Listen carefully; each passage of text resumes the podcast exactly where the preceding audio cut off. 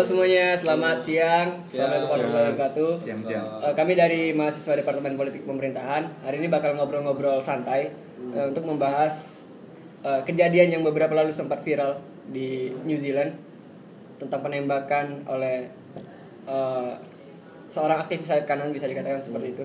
Namun kali ini eh, nampaknya kita lebih akan membahas eh, dengan kacamata politik ya dengan kajian beberapa teori dari interseksionalisme. Asia. Mungkin saya perkenalkan dulu di sini ada teman saya Fawas. Halo Fawas. Halo. Apa kabar? Alhamdulillah. Gimana berat badannya? Naik. Oh naik ya Pulang ke habis Idul. Fitri. ada Andy juga. Halo Andy. Halo. Apa kabar? Baik, baik, baik. Ya. Devin, apa kabar Devin? baik, baik, baik, baik. Gimana game ini? Sini juga ada Eko. Gimana Pak Ketua HMI? Oh. ya mungkin eh, langsung aja ya. Iya. Ada yang mau cerita dulu? Apa yang sebenarnya terjadi di New Zealand beberapa waktu lalu? Di bulan Maret ya kalau nggak salah. Iya, Devin. bulan Maret. Mungkin ini ya, mungkin aku cerita historisnya dulu ya, latar belakang kenapa kemudian si Teren ini menembak gitu. Penembakan ini kan terjadi di bulan Maret, teman-teman. Di bulan Maret tahun 2019 dan terjadi di Selandia Baru. Teren ini dia sebenarnya targetnya ada di eh, tiga masjid, tapi dia ketangkep waktu kalau nggak salah di masjid yang kedua. Nah, OTW masjid ketiga lah ya. Iya, dia OTW masjid ketiga baru ditangkap. Nah, dia menewaskan 51 orang, tapi korban yang luka-luka mencapai 100 lah kalau nggak salah. Nah, kalau bicara tentang Teren ini, dia ini kan asli kewarganegaraan Australia. Dia dia ini dulu awalnya tahun 2000-an, 2000 awal dia bekerja sebagai trainer di gym-gym seperti itu. Nah, kemudian di tahun 2010 eh, entah alasannya apa dia berangkat ke luar negeri ke Eropa, Asia dan segala macam. Akhirnya dia mendapat sebuah pemikiran yang bisa dikatakan sedikit radikal gitu. Sedikit radikal kemudian pada tahun 2019 ini dia memberanikan diri kemudian untuk eh, melakukan penembakan atau yang kemudian dibilang terorisme gitu. Terorisme di Selandia Baru. Nah, ini juga sebelum dia si Teren ini uh, melakukan tindakan tersebut, sebenarnya dia juga sudah mengirimkan sebuah manifesto gitu. Manifesto apa? Was namanya kalau nggak salah. Uh, New Society. Nah, itu dikirim ke Perdana Menteri di Selandia Baru. Iya.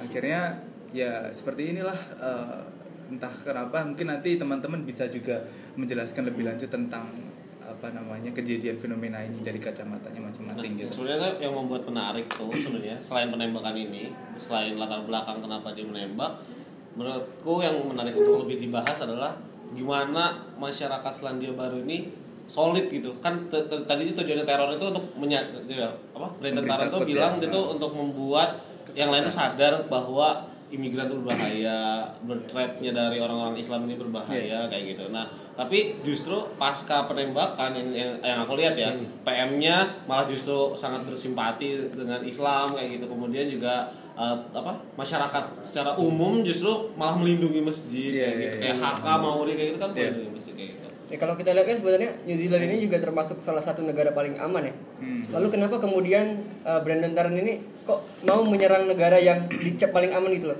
Hmm. Jadi kalau aku ya, aku yang baca apa uh, manifestonya Manifestonya. judulnya uh, Towards uh, New Society, uh, terus habis itu ada tulisan We March uh, Ever Forward gitu. Jadi pada pada intinya dia tuh uh, pengen membentuk tatanan sosial yang baru, kemudian tatanan sosial baru, kemudian uh, dia mau apa namanya? terus dia mau membuat pergerakan ini tuh tetap berjalan meskipun dia tahu ujungnya bakal ditangkap kayak gitu. Jadi di manifesto ini tuh dia tulis secara lengkap alasan dia apa, terus habis itu bagaimana setelah penembakan dia mau melakukan apa kayak gitu. Itu tuh udah ditulisan sama dia lengkap. Jadi bentuknya manifestonya dia tuh uh, penjelasan di awal, kemudian kayak bentuk ke apa?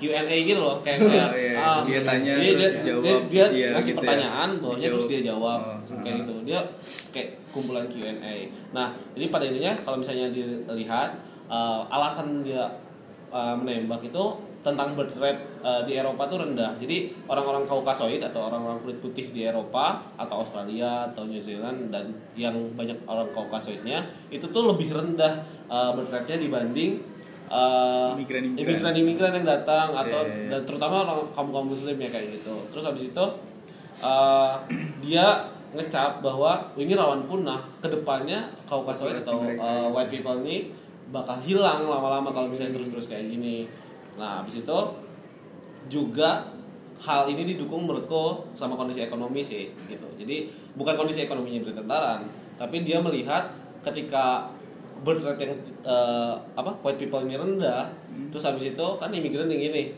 tapi imigran datang dengan kondisi ekonomi tidak ada kan atau dia cuma bawa sedikit kayak gitu, tidak bukan dari yang berlebih kayak gitu. Nah akhirnya dia membutuhkan pekerjaan. Nah ketika dipekerjakan di Eropa atau di Amerika, dia ini tergolongnya ke cheap labor atau apa buru-buru murah kayak gitu. Buruh murah habis itu eh, pasar juga melihatnya sebagai konsumen baru nih gitu. Ada konsumen baru nah, kita bisa bikin tren yang baru lagi misalnya hijab diapain kayak gitu kan. Karena kan hijab warna-warni atau apa itu kan konsumen baru kayak gitu. Jadi pasar meresponnya lain tapi uh, sebelum tentara melihatnya oh ini bahaya untuk uh, white Ancaman people. Ya. ha, untuk keberadaan white people kayak gitu. Karena lama-lama wah white people ini nggak terlalu seksi untuk diperhatikan secara pasar kayak gitu itu sih awal mulanya kalau misalnya aku pengen Astagfirullahaladzim. Emang bisa sampai segitunya Nah. ya. Kayak gitu nah apalagi ya jadi kalau misalnya di manifestonya kalau misalnya teman-teman lihat lagi dia banyak menuliskan apa namanya eh, tentang alasan-alasan dibalik selain tadi itu kan alasan utama ya. Ini alasan-alasan eh, yang berbentuk peristiwa dibalik penembakan yang dia eh, lakukan kayak gitu. Misalnya peristiwa-peristiwa yang dituliskan di kalau teman-teman tahu eh, video-video apa? Di foto-foto yang beredar kayak itu dia ngepost eh, tentang senjatanya yang ditulisin banyak banget tuh. Yang Pakai oh, tipek iya, gitu. ya, kayak Kan kayak pakai kayak ya. pakai tipek gitu kan. Nah itu ada yang tulisnya apa? Eh, ada Eba. Eba siapa namanya? Eba Ak Eba siapa ya siapa sih mas? yang orang Swedia itu Almond, siapa Almond ya itu ya. Nah, Eba itu terus kemudian ada juga kejadian-kejadian perang salib kayak gitu. Kayak misalnya perang salib yang di mana kondisinya white people banyak yang kalah kayak gitu. Kayak misalnya di Spanyol sih waktu itu yang waktu Andalus kayak gitu. Kemudian eh, apa ya? Dia terus nulis juga umpatan-umpatan kayak misalnya welcome to hell imigran kayak gitu. Kayak gitu itu. Jadi eh, dia pada intinya menurut eh, apa ya? berusaha mengkonstruksikan kepada masa bahwa apa yang dia lakukan itu adalah uh, uh, akumulasi dari peristiwa-peristiwa sebelumnya. Ini tuh pembalasan dendam untuk peristiwa-peristiwa uh, sebelumnya. Misalnya ada penembakan di Masjid Quebec yang akhirnya ditangkap. Nah itu katanya ini untuk membalaskan dendamnya ditangkap yang baru baru membunuh beberapa orang saja gitu.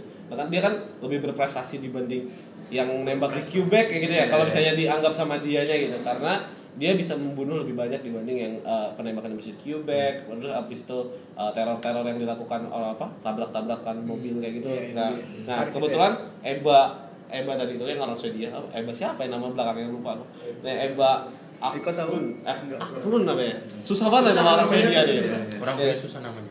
jadi brand tentu banyak menulis tentang Eba juga di manifestonya. Dia tuh kebetulan jadi hobinya dia tadi mungkin Devin udah agak sempat membahas ya. Jadi dia ini sering pergi-pergian ke luar negeri gitu loh. Nah uh, di satu kota kebetulan waktu itu dia lagi di, di Swedia gitu ditulis di manifestonya dan habis itu dia baca berita bahwa ada kejadian tabrak tabrak tabrak tabrak liar apa ya yang dan ya pelaku tabrak Tabrak lari. Ta- enggak Bukan tabrak teror lu Tabrak tabrak diri teror ini. Iya, tabrak teror Iya. lu buat nah, jadi dia Sengaja gitu ya? dia nabrakin eh, apa pedestrian itu untuk meneror orang nah pelakunya itu seorang imigran eh, muslim kayak gitu dia imigran dan seorang muslim nah itu kejadiannya ada di Swedia Di Swedia. Stockholm kalau nggak salah Tahun berapa itu mas? di April 2017. Nah, jadi Eba ini tuh umurnya 11 tahun. Jadi dia tuh uh, ngelihat wah ini udah bahaya nih seorang imigran gitu. Udah dia pergi ke Negara daerah orang, kayak gitu habis itu dia kayak gitu, berani gitu ya. kayak kayak gitu. Jadi dia mulai berubah tuh semenjak kejadiannya Eba ini gitu kan. Iya, iya, iya. Sebenarnya kalau misalnya lihat status-status Facebooknya, dia tuh pernah ke Pakistan, pernah ke Turki gitu. Dan dia dia memuji peradaban di sana kayak gitu loh. Wah, orang Islam di sini sangat ramah kayak gitu. Tapi ke- kejadian ini tuh benar-benar berubah dia gitu. Habis itu romantik. dia juga di manifestonya sangat apa? eh, dia jujur bahwa dia tuh radicalize online. Jadi dia ikut forum di website apa? Hmm, oh, Bukan Reddit ya, bukan Reddit, bukan Reddit. ya? Reddit. Bukan.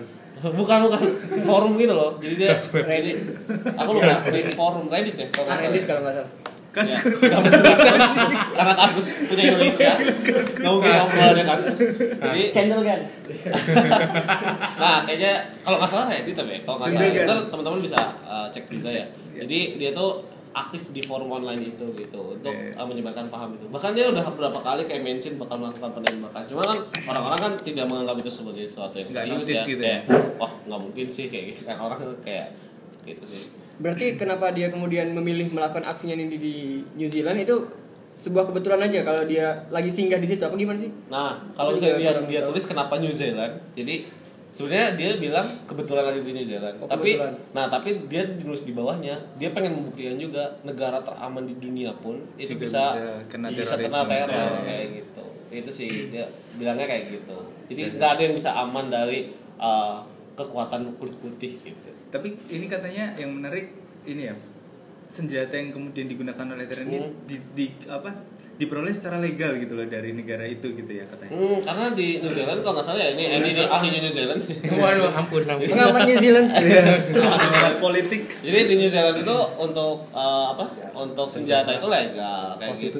Jadi uh, sebelum ya konstitusinya me- melegalkan Melegalkan. pem- ke- kepemilikan senjata. Bahkan tre- uh, Teren ini punya lisensi level A kayak gitu. Jadi boleh yang apa senjata otomatis oh, kayak iya. gitu. Habis itu yang full magazine kayak gitu kayak gitu gitu.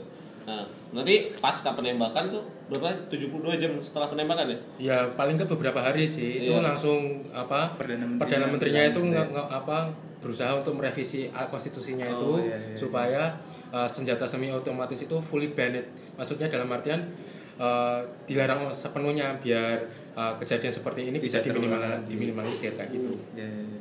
Jadi kalau misalnya tadi karena aku udah jelasin nih Hmm. itu tentang karena apa bertret nah tujuannya dia itu apa sih gitu tujuannya dia itu tuh pengen uh, menghentikan lajur migrasi imigrasi sebenarnya yang sangat tinggi Cepat menurut menurut, menurut dia sangat cepat terus habis itu juga pengen menakut-nakuti supaya tidak menyebarkan uh, paham-paham yang uh, kayak gimana ya, orang dalam beribadah kayak beribadah dalam beragama biasanya kan ada motivasi untuk reproduksi anak ya atau uh, reproduksi maksudnya Iya, untuk iya. melanjutkan Betul. keturunan kan kayak gitu nah supaya ini tuh agak terhenti kayak Iya, gitu iya. terus lebih lambat. nah biar lebih lambat laju laju birth rate-nya laju migrasinya supaya lebih lambat kayak gitu jadi eh, dia juga pengen mengusir untuk kembali ke daerahnya mereka aja nggak usah ke daerah kulit putih. Sebenarnya ini ini ya apa paradoks menurut gue gitu. Iya. mereka juga pendatang di Australia. Cuma White people tuh pendatang loh aborigin asli. Kalau secara sejarah dari penduduk di New Zealand itu gimana sih?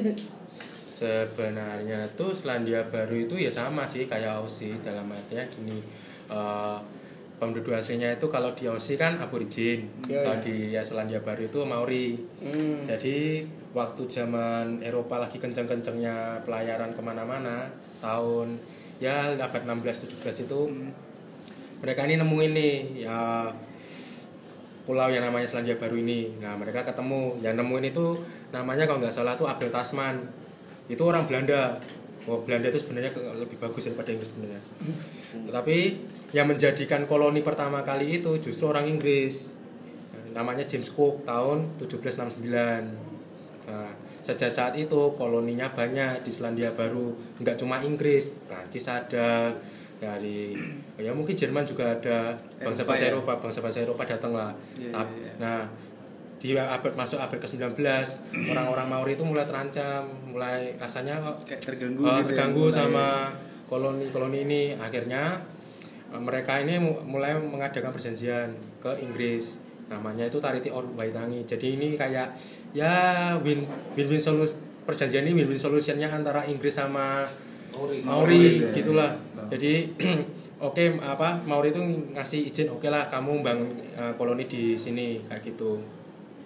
Nah sejak saat itu Inggris semakin besar nih koloninya. Mereka tuh nggak cuma datangin orang-orang Eropa tapi orang-orang yang kaum kaum Muslim yang berasal dari negara jajahan lain misal dari India Pakistan kayak gitu itu Didatangkan juga itu? datengin juga tapi mereka emang sih ka- kalau dipakai kasta-kasta gitu ya dia masih kastanya di bawah Eropa kayak gitu jadi se- sebenarnya uh, kaum kaum muslim itu nggak nggak datangnya ya nggak apa baru Ba- mereka tuh datang dari lama lama, ya. bahkan sejak uh, perjanjian perjanjian ini perjanjian itu. kayak gitu Di daerah mana tuh pertama kali itu? di Otago. Jadi kalau di lihat di peta di maps gitu kalau kalau kalian bisa lihat itu dia itu di sebelah selatannya Christchurch. Jadi dari lokasi kejadian itu sekitar 500 kiloan lah. Jadi saat masih satu, masih satu pulau sama Christchurch. Oh, sama Kayak Christ- gitu. Lokasi penembakan. Jadi Oh. kedatangan apa? eh, umat muslim pertama kali ke Selandia Baru itu cuma 500 kilo dari Dari Ya, Christchurch. cuman sih. Jauh tuh 500 Iya, 500 kilo lebih dari Ya, Jawa. ya paling lah masih satu itulah, masih satu, Satu pulau. Pulau ya, satu pulau. Jadi sebenarnya peradaban Muslim di sana ya juga nggak bisa dianggap baru nggak gitu ya. baru ya. Memang. Dan justru yang menciptakan peradaban Muslim itu adalah orang-orang Eropa itu sendiri. Hmm. Kalau menurut aku lewat perjanjiannya. lewat perjanjian itu dan juga mengirimkan apa eh, buruh-buruh murah Iya. di Selandia Baru itu ya mereka ini orang Eropa kayak Hmm. gitu.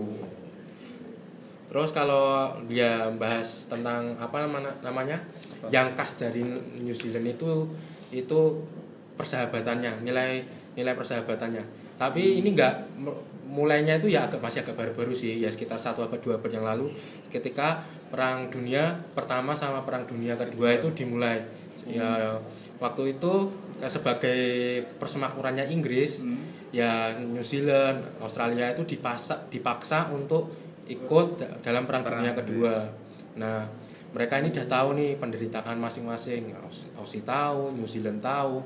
Nah, dari situ mereka itu menumbuhkan apa yang namanya nilai nilai Bersama gitu. kebersamaan, nilai persaudaraan. Tetapi yang dari waktu ke waktu yang justru men- semakin bertumbuh itu yang semakin meluas nggak cuma dirasakan sama tentara itu justru di New Zealand New Zealand. daripada Australia kayak gitu sih. Hmm. Jadi kalau ketika si siapa si Teran ini bilang dia merepresentasikan orang-orang Kaukasoid perlu dipertanyakan ulang Ya, ya, dipertanyakan karena banget lah. justru yang mendatangkan umat Muslim ke New Zealand itu Ya, orang-orang Eropa, ya, bukan datang sendiri. Enggak datang sendiri. Nah iya benar. benar. Berarti ya menurutku perlu dibantah sih Iya. argumen apa ya? Kan pandangan politik dia kan ini ya nasionalis banget ya. Bahkan Hmm. di di manifestonya dia nulis dia aktif menyumbangkan ke eh, apa eh, bantuan atau eh, apa donasi? Donasi Hmm, donasi. donasi ke eh, partai-partai nasionalis di Australia kayak Hmm. gitu. Bahkan bisa dicap ultra nasionalis sih kayak Fraser Fanning. Iya. kayak gitu.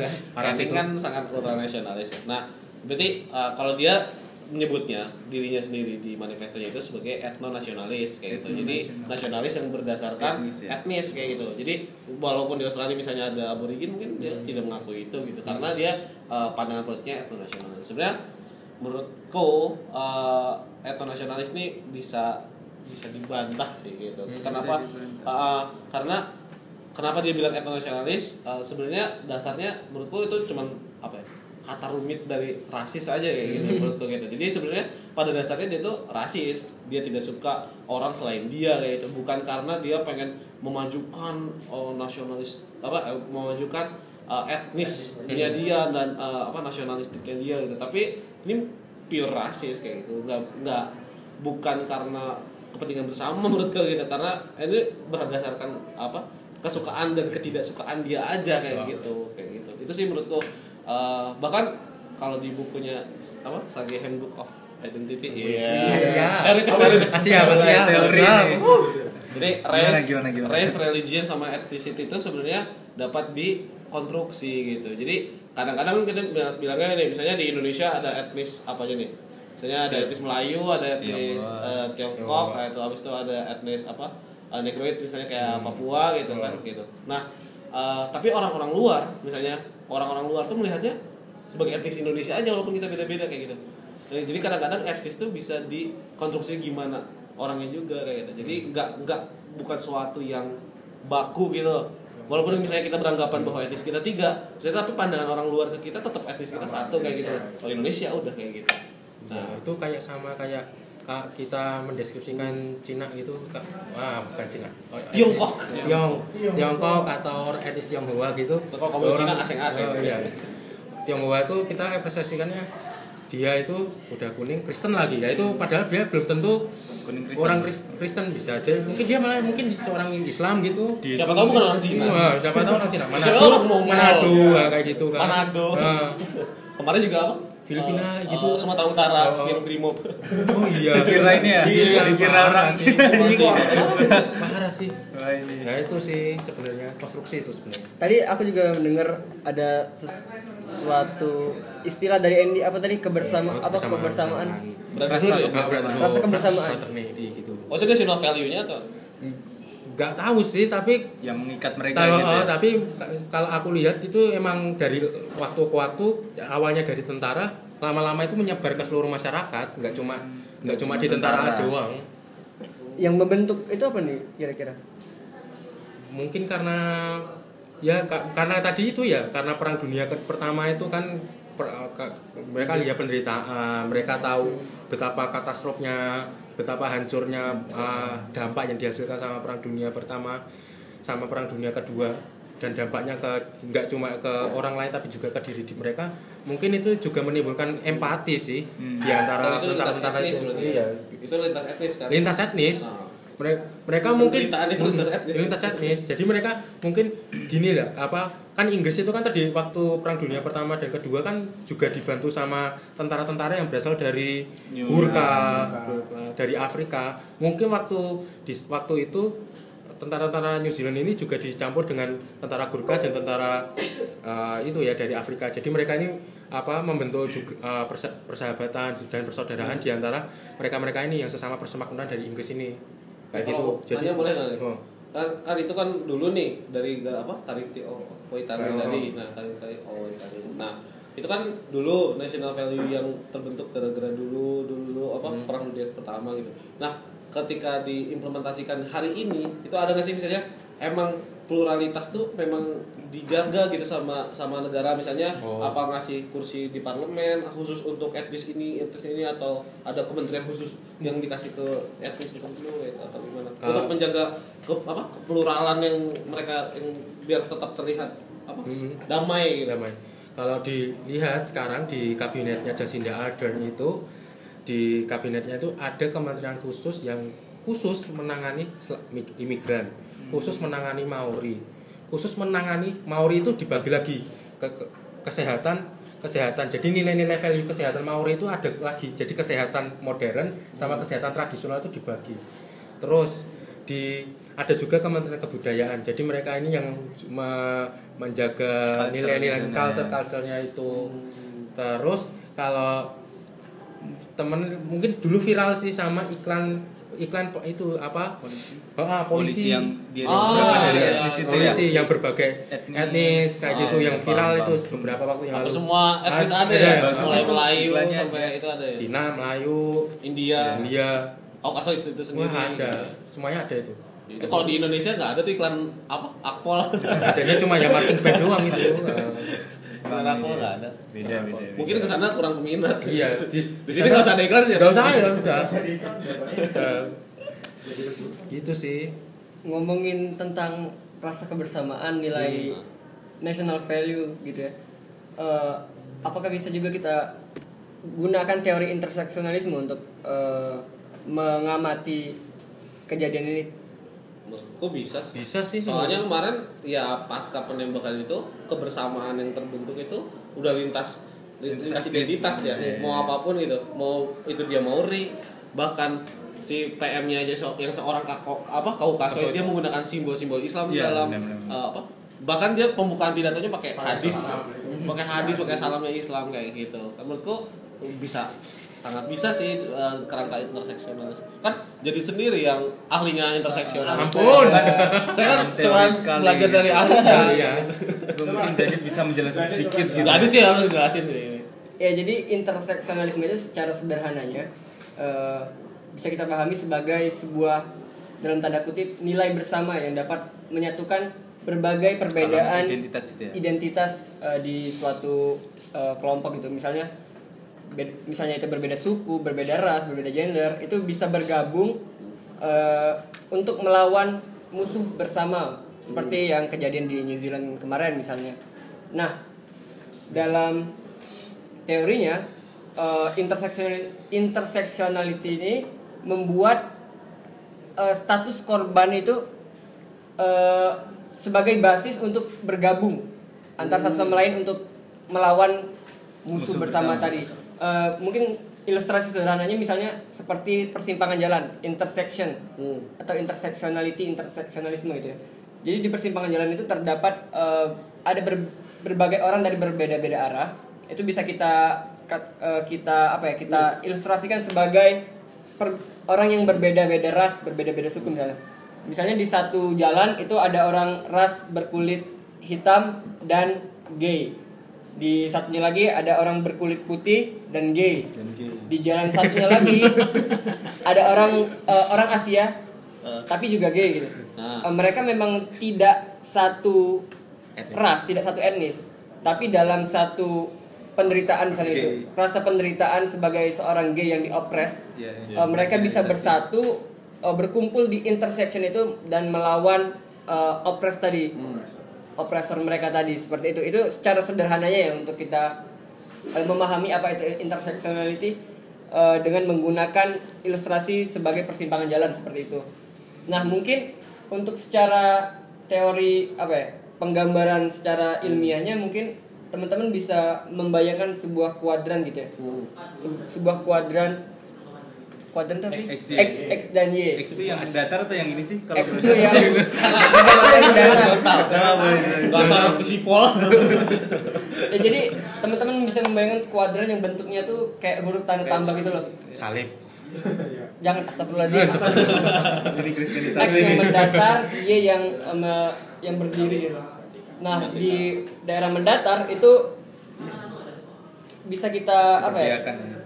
Itu men, apa ya? Merepresentasikan keberpihakan. Jadi semakin ke kanan itu dia semakin powerless atau sebagai minoritas semakin ke kiri dia menjadi mayoritas atau orang-orang yang dominan dan semakin powerful sedangkan yang di apa sih namanya Atas. garis Y Vertikal. vertikal itu merepresentasikan identitas mereka baik itu yang di atas itu ada ident apa sebagai pengopres atau pe apa sih opres itu? Penekan. Pe- penekan penindas Penindas.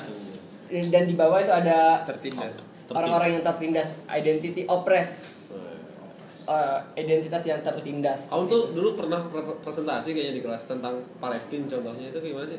ya m- mungkin itu contohnya sama dengan kayak yang, Yang gay orang gay tadi ya di Palestina juga kalau kita lihat eh, sebenarnya orang-orang yang mendukung kebebasan Palestina itu bukan hanya sekedar orang Islam atau orang Palestina yang tinggal di Palestina tapi kalau kita lihat orang-orang Israel pun ada banyak Oke. sekali yang eh, ikut berdemo gitu yang mendukung kebebasan Palestina ada juga orang-orang gay, orang le- lesbian di sana. Ada bahkan orang komunis yang di sini dianggap oleh orang-orang kita sebagai eh, apa ya musuh bersama gitu. Padahal bersama gitu ya. dalam eh, kasus Palestina mereka juga bahu membahu gitu mem- mendukung kebebasan atau kemerdekaan Palestina. Jadi eh, kacamata intersectionality, intersectionality juga ki- bisa kita lihat di dalam kasus Palestina di mana eh, berbagai bag- berbagai macam orang bergabung, berbagai macam eh, Identitas. identitas bergabung untuk melawan musuh bersama mereka. Dalam hal ini eh, dalam kasus Palesti- Palestina misalnya penindasan terhadap eh, kemerdekaan Palestina. mereka. Sama seperti yang mereka alami dalam kebebasan mereka menjadi gay misalnya atau dalam kasus mereka yang lainnya seperti itu. Bernie Sanders yang Yahudi aja dukung Palestina kok Iya boleh. Oh, calon presiden. hmm, calon Kita presiden doain Amerika. untuk ini nggak? amin Eh saya Trump. Bernie Sanders. Saya Trump. Oh, Trump. Bernie Saya Sanders Trump. Bernie Sanders Ini ada sih. Tikus ada tikus ada tikus. Mungkin secara pemetaan gimana pemetaan Mungkin Eko ini sebagai apa? Lulusan dari Laksono ini dari Mas. Dandi mungkin Mas Dandi Laksono. Eh, ada Mas Dandi jangan minum aku. Iya, iya, iya. kita kita apa? Eksploitasi alam ini. Kalau secara pemetaannya sendiri gimana kok pemetaan aktor di dari kacamata interseksionalisme? ya Kacamatanya baru Mas Eko pasti. Waduh. Ya dari dari kasus ini ya tadi sudah dijelaskan oleh Jagit mengenai eh, teori dari interseksionalisme ini tadi. Ah kita bisa memetakan seperti yang tadi sudah dijelaskan oleh Jagit di mana ada sumbu X dan sumbu Y di mana yang sumbu X yang eh, datar em, mencerminkan keberpihakan dan yang sembunyi mencerminkan identitas. Di sini kita dari beberapa artikel kemudian berita ataupun baca- bacaan-bacaan yang kita temukan Hmm. Eh, ada beberapa aktor yang kemudian apa ya muncul dari kasus ini. Di sini kita memetakan aktor yang yang opresor dan yang Opres. diopres. Operasi. Nah, kita akan melihat dulu aktor siapa-siapa saja yang ditempatkan sebagai opresor.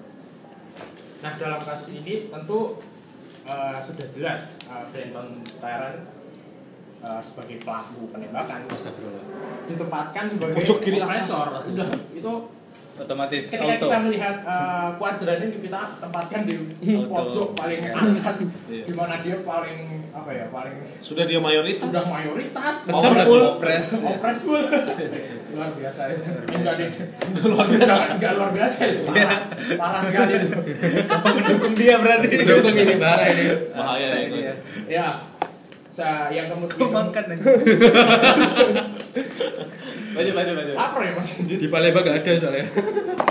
yang kemudian ada lagi Pak. yang kita temukan yang kemudian eh, apa ya viral kemudian eh, setelah kejadian itu ya ini Fraser Anning eh, seorang senator dari Queensland Australia dia merupakan mantan anggota partai populis sayap kanan Oh, dia, Australia dia mantan. iya mantan dia Oh bukan senat aktif. enggak dia man senatnya aktif Oh. cuma Oh, anggota bukan anggota mantan anggota partai partainya udah enggak Lah dia di senat nggak pakai partai. nggak tahu mungkin Kayak Hamzah gitu ya? Oh. kalau di bacaan di berita-berita dia man, ditulisnya mantan X. oh. One, jadi- dia dari One Nation ya? ya One Nation Party dia mantan ya itu salah satu partai sayap kanannya Australia. Jadi Australia Jadi tuh Fraser Anning tuh yang kemarin dilempar telur itu. ya Yoman. Egg boy, egg egg boy. Egg boy, egg boy. egg boy. nah yang kemudian yang juga sempat viral di apa di sebelumnya Fraser Anning ini dia eh, apa menyatakan bahwa penembakan itu salahnya imigran gitu salahnya orang-orang muslim sendiri gitu. dia menyalahkan Iya, korban gitu ah, ah, paham, paham. ya ini kan agak Ada kemudian expo-nya itu ya? Iya. Berat sih. yang kemudian jadi viral dan dikecam oleh banyak pihak termasuk uh, perdana menteri Selandia Baru sendiri yang Mengecam. mengecam itu. Iya. Kemudian yang juga sempat ramai diperbincangkan yang muncul adalah Neil Erikson. Dia juga orang uh, Australia yang kebetulan dia itu uh, pendukung garis kerasnya Fraser Anning dan juga uh, aktivis sayap kanan. Nah dia itu yang nangkep pertama kali si Egg Boy. Ah, yang nangkep Iya, yang narik itu. gitu. Oh, alah. Tapi dia Dia bukan politisi. Eh, dia Enggak, politisi. dia bukan politisi, aktivis dia, aktivis sayap kanan dan kebetulan pendukung garis keras si Fraser Anning. Ah. Kasihan tuh pas ditangkap tuh untung nggak patah. Iya, tangannya. jatuhin. Smackdown itu. Iya. nah dia dia itu apa ya dia tuh sempat ngo, apa ngomong di YouTube gitu ya salah Eh, bahwa ya sama hampir sama kayak Fred Sanning dia menyalahkan muslim dia salahmu sendiri ngapain datang ke sana padahal kan kalau kita tahu udah lama itu muslim di tinggal di Selandia Baru bukan Iya. orang baru itu Kata Andy tadi dari historisnya tadi ya. iya kejadian. historinya kan panjang itu nggak Iya. bukan orang yang baru datang Iya, terus iya. kemudian tinggal di sana Nggak nah punya dosa itu. Iya. Nah itu eh, aktor-aktor yang kita temukan yang bisa diidentifikasi ditempatkan di plot, di plot paling kiri ka- kiri atas sebagai seorang opresor.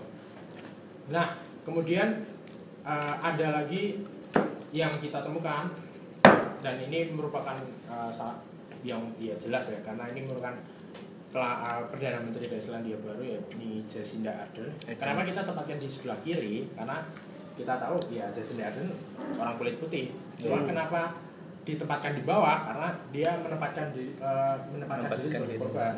Dia berempati kepada korban. Kemudian yang tadi sudah disebutkan nama Fawa sama si Andy dia uh, bersimpati dalam bentuk menggunakan apa? Islam. Simbol Islam. Iya, simbol-simbol Islam menggunakan kerudung, kemudian eh, Salam. apa salam Hadis. dan lain-lain gitu.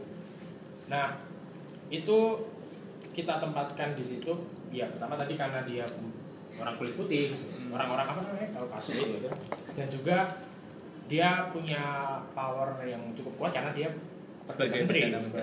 Menteri. Nah kemudian eh, ada lagi beberapa aktor yang eh, muncul di situ ya yakni Sony Fatu Wow.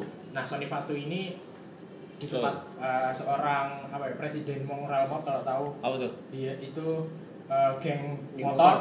geng Oh. motor yang eh, setelah penembakan itu dia eh, menjaga masjid dan Oh, Ah. dia ikut ini ya. ya yang ikut menjaga Yang pakai tari-tarian tuh. support ini. Um, bukan bukan bukan yang nari-nari kalau nari-nari kan orang anak-anak sekolah dan yang Oh. nah itu yang Dia nari juga kok. dia Nari, nari tarian apa Iya. kakak itu loh? I, Iya, iya, mungkin iya. dia ikut nari tapi kalau di beritanya nggak. Oh, iya. ya dia tuh sebenarnya tuh ini geng yang dikenal kriminal gitu Oh, Dia iya. tuh geng kriminal karena sering melakukan hal apa tindakan-tindakan kriminal cuma setelah eh, Kasus terorisme. kasus itu Dia menjadi ini ya. Iya, dia berubah menjadi- gitu ya. hijrah kayaknya sih. hijrah Iya. Terus hijrah emang Hijrah- hijrah luar biasa. Iya itu.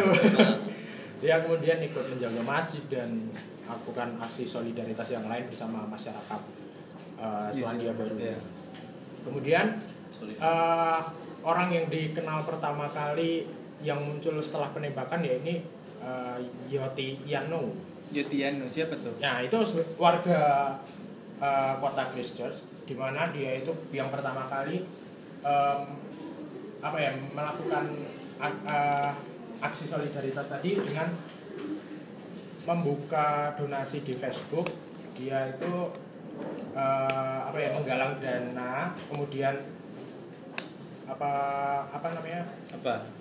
Lupa pasti. ngambil apa Bantuan. enggak enggak apa namanya membuka donasi baju terus Oh, jadi kayak Oh. open donation gitu ya ya. kayak open donation KKM gitu Ah, Kakaknya La Liga. Yo man. ya, Promo. itu dia orang Maori orang suku Maori sama seperti kayak Sony Asli ya. ya orang asli sana yang pertama kali memberikan bantuan yang apa dia membuka open donation tadi nah dari sini kalau kemudian dikaitkan dengan teori yang sudah uh, dijelaskan tadi sama Jadid kita bisa menemukan bahwa apa sih yang membuat hal-hal itu kemudian intersect kemudian uh, mereka menemukan apa ya Uh, value bersama. ya, Sama. bersama. Ya. Jadi ada beberapa artikel yang disebutkan bahwa orang-orang New Zealand ini dia memiliki sebuah eh, apa ya sebuah identitas nasional seperti itu Hmm. yang disebut eh, Kiwi People. Oh, Kiwi, kiwi people. people. ini Bukan iya. buah ini. Iya itu burung. Bukan burung juga ya. Nah dia kemudian Burung ada cuy, burung iya. kiwi. burung kiwi ada. Ada tapi Burungmu apa namanya? Ya. Tolong nanti disensor ya. Disensor kan? tolong disensor ya. biar tahu dosen. Siap-siap mas. Siapa Mas Devin? Mas Devin. Name-nya, name-nya.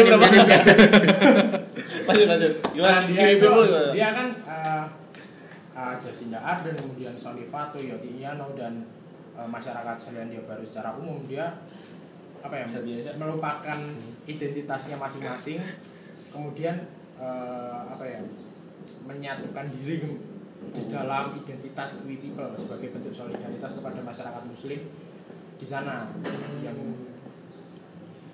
ya itu yang membuat uh, salah satu yang membuat interseks selain karena uh, kemanusiaan Jadi national value berarti Kiwi people nya ya. Berarti kayak, kayak bineka tunggal ika-nya di Indonesia gitu. ya semacam itu lah sebagai identitas nasional Ya. Kiwi people. Oh, menarik. New Zealand. Gimana pengamat bineka tunggal ika? ya gimana mas Ya sama sih maksudnya Bhinneka Tunggal Ika juga kemudian menyatukan Indonesia Wah, dan beberapa etnis segala macam. Kalau kita ngelihat ya, eh, sebenarnya national value yang mengikat mereka ini kalau aku lihat benar-benar berjalan secara efektif Hmm. dari eh, kejadian pasca kejadian dan rekonsiliasi pasca ke- kejadian itu benar-benar sangat efektif dalam apa ya mengurangi rasa takut terha- dari terhadap teror itu ya. tersebut Eh, mungkin kalau kita lihat dalam konteks Indonesia ya aku juga nggak terlalu tahu kalau tentang bineka tunggal ika tapi misalnya dalam kejadian teroris kalau kita lihat komentar-komentar di sosial media sebenarnya juga eh, ada pihak-pihak yang mengecam. Tapi ada juga se- eh, sedikit ah, apa ada beberapa sebagian yang juga justru eh, seolah mendukung Oh. eh, kayak gimana ya teroris itu ah giliran teroris aja cepat nangkepnya. Kok yang kasus ini nggak nggak cepat nangkep apa? Lecet ke oh, kayak- gitu loh maksudnya. Iya, bang, bang, bang. paham kan? Menjadi bahan bakar untuk oh, mengkritik. ah, iya buat tapi yang nggak nggak spa nggak nggak apa nggak sedirect Iya. sama kasusnya ya. nggak apa ya? Ya, mungkin sama kayak kasusnya Fraser Anning kayak gitu Iya. tetap ada orang yang berusaha mencari celah uh, apa atas kejadian yang dilakukan uh, atas kejadian yang terjadi kayak gitu Iya. loh untuk kepentingannya dia kayak gitu menurutku kayak gitu sih tapi kan kalau kita lihat Fraser Anning juga bukan orang New Zealand kan sebenarnya Iya. orang Bukan tapi kalau kita lihat di kasus-kasus beberapa kasus terorisme di Indonesia justru kalau yang aku sering baca-baca komen tuh, ternyata ada juga loh orang-orang yang seolah nggak punya hati nurani gitu Iya. Oh, berarti dia kalau misalnya di kuadran masuknya opresor walaupun dia eh, keberpihakannya ke opresor berarti kan kayak gitu meskipun dia mau mayoritas ataupun minoritas, Minoritas ya, gitu. keberpihakannya. Ya, dia yang jelas dia udah pasti di kuadran atas gitu. gitu. Kiri kanannya menentukan gimana dia posisi dia di luar. Gitu sih menurutku. Ya. Udah deh. Udah. Ada lagi nggak? ada lagi nggak yang mau disampaikan Kesimpulan sih Mas Devin kayaknya. Gimana sih? Mungkin bisa Apa ya? Mas Devin. Hasil diskusi ini, Iya, diskusi ya. ini. Mungkin yang dia aja nih yang lebih tepat yang bisa ada juga. Mas Endi, ya Mas Ini Endi. Ya, mari Mas Endi. Ini. ya kita melihat bahwa New Zealand ini sebuah contoh yang sangat baik buat bangsa-bangsa lain bagaimana kalau kita bisa lihat ya eh, masyarakatnya mau guyup rukun mau ya kalau kata-kata teman-teman itu gotong royong waduh Wis, gotong royong. gotong royong Kayaknya ada partai. Nasional belum ada sih. gotong royong gitu mau menjaga lah melindungi gitu kalau kita lihat sih itu berarti itu nggak semata-mata karena kejadian itu semata tetapi berdasarkan hasil proses yang panjang. proses gitu ya. yang panjang ratusan tahun yang lalu nggak dibentuk sema- secara instan kayak Indomie waduh sensor lagi nah, kayak gitu Masa enak soalnya. Iya. Terus ya mungkin ada yang mau nambahin kalau aku sih kesimpulannya kayak gitu.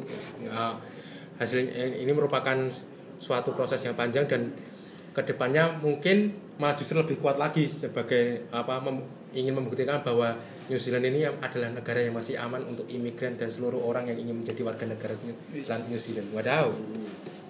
Terus eh, kita juga bisa menyimpulkan sih bahwa apa eh, pandangan-pandangan yang di manifesto si ini minta kesetaraan kan kayak gitu. Jadi society yang baru ini kita harus setara lagi white people sama manusia-manusia lainnya. Tapi menurutku ini jadi tameng sih. Jadi teman-teman harus waspada sama eh, pemikiran-pemikiran yang seperti ini gitu. Jadi bilangnya eh, kesetaraan tapi ternyata pengen lebih daripada yang lain kayak gitu. Maksudnya kayak uh, justru kalian pengen lebih overpower dibanding yang lain kayak gitu. Ya jadi nggak setara kayak gitu. Terus uh, kalau saya baca di Twitter Twitter sih ada ada ini yang penulis dulu setan itu atau iblis itu adalah pejuang kesetaraan karena pengen setara sama manusia. Padahal kan dibalik dibalik ke itu itu kalau dibalik yang kisah Nabi apa Nabi Adam itu yang dia tidak mau tunduk sama Nabi Adam bukan karena dia pengen setara tapi lebih lebih pengen karena dia merasa lebih tinggi gitu. Nah menurut gue sama aja kayak gitu. Bertentangan pun kayak gitu. Dia bilang kesetaraan uh, atas white people supaya lebih aman. Tapi sebenarnya dia pengen lebih tinggi daripada yang lain karena pengen memusnahkan yang lain dan meng- mengusir yang lain kayak gitu. Karena dia merasa lebih uh, apa, Powerful. superior kayak gitu apa bedanya sama Nazi ya Nyoman. Kan?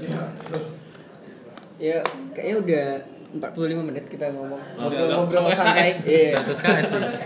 Satu SKS. ya mungkin itu saja eh, sedikit dari hasil ngobrol kami pada siang hari ini Eh, semoga apa yang kami obrolkan dapat bermanfaat untuk menambah Puasa. wawasan terutama wawasan kami pribadi dan teman-teman semuanya Iya. Eh, akhir kata saya Jadid Saya Fawas. Aku Andy. Devin. Eh, kami pamit undur diri Eh, selamat siang Siang.